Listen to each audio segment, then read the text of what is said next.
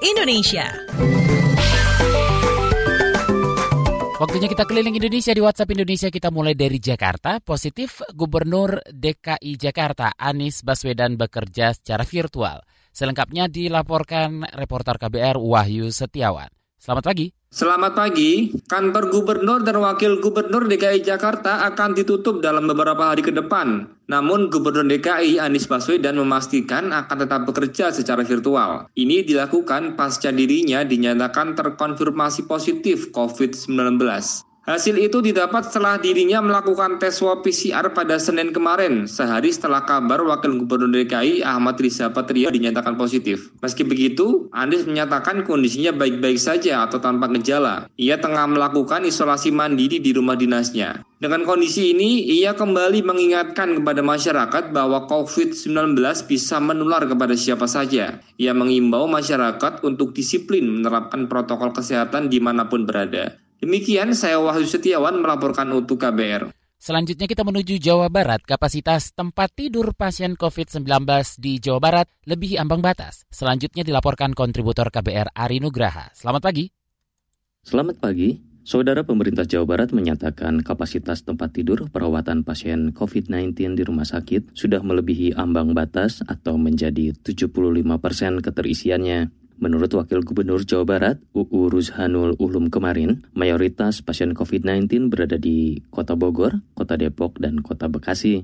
Untuk itu, Wakil Gubernur Jawa Barat, UU Ruzhanul Ulum berharap masyarakat harus menjadi garda terdepan dalam memutus penyebaran COVID-19 ini. Sementara itu, Ketua Pelaksana Harian Gugus Tugas Percepatan Penanganan COVID-19 Kota Bandung, Emma Sumarna mengungkapkan tingkat keterisian tempat tidur di rumah sakit sudah 90% persen dari hampir 800 tempat tidur yang tersedia. Demikian, saya Ari Nugraha melaporkan untuk KBR. Terakhir mampir Banyuwangi Jawa Timur, objek wisata di Banyuwangi minim rambu-rambu bahaya bencana alam.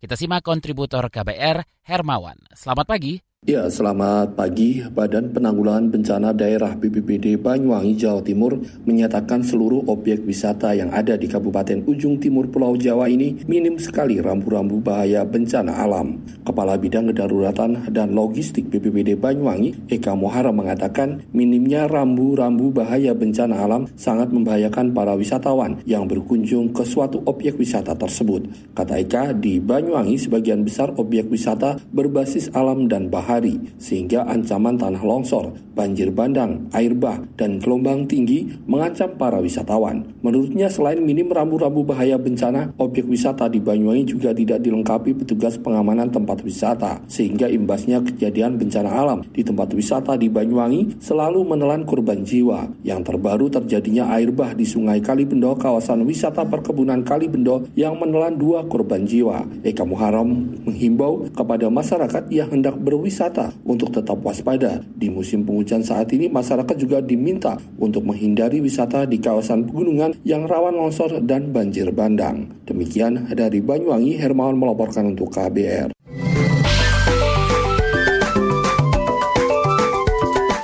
WhatsApp Indonesia.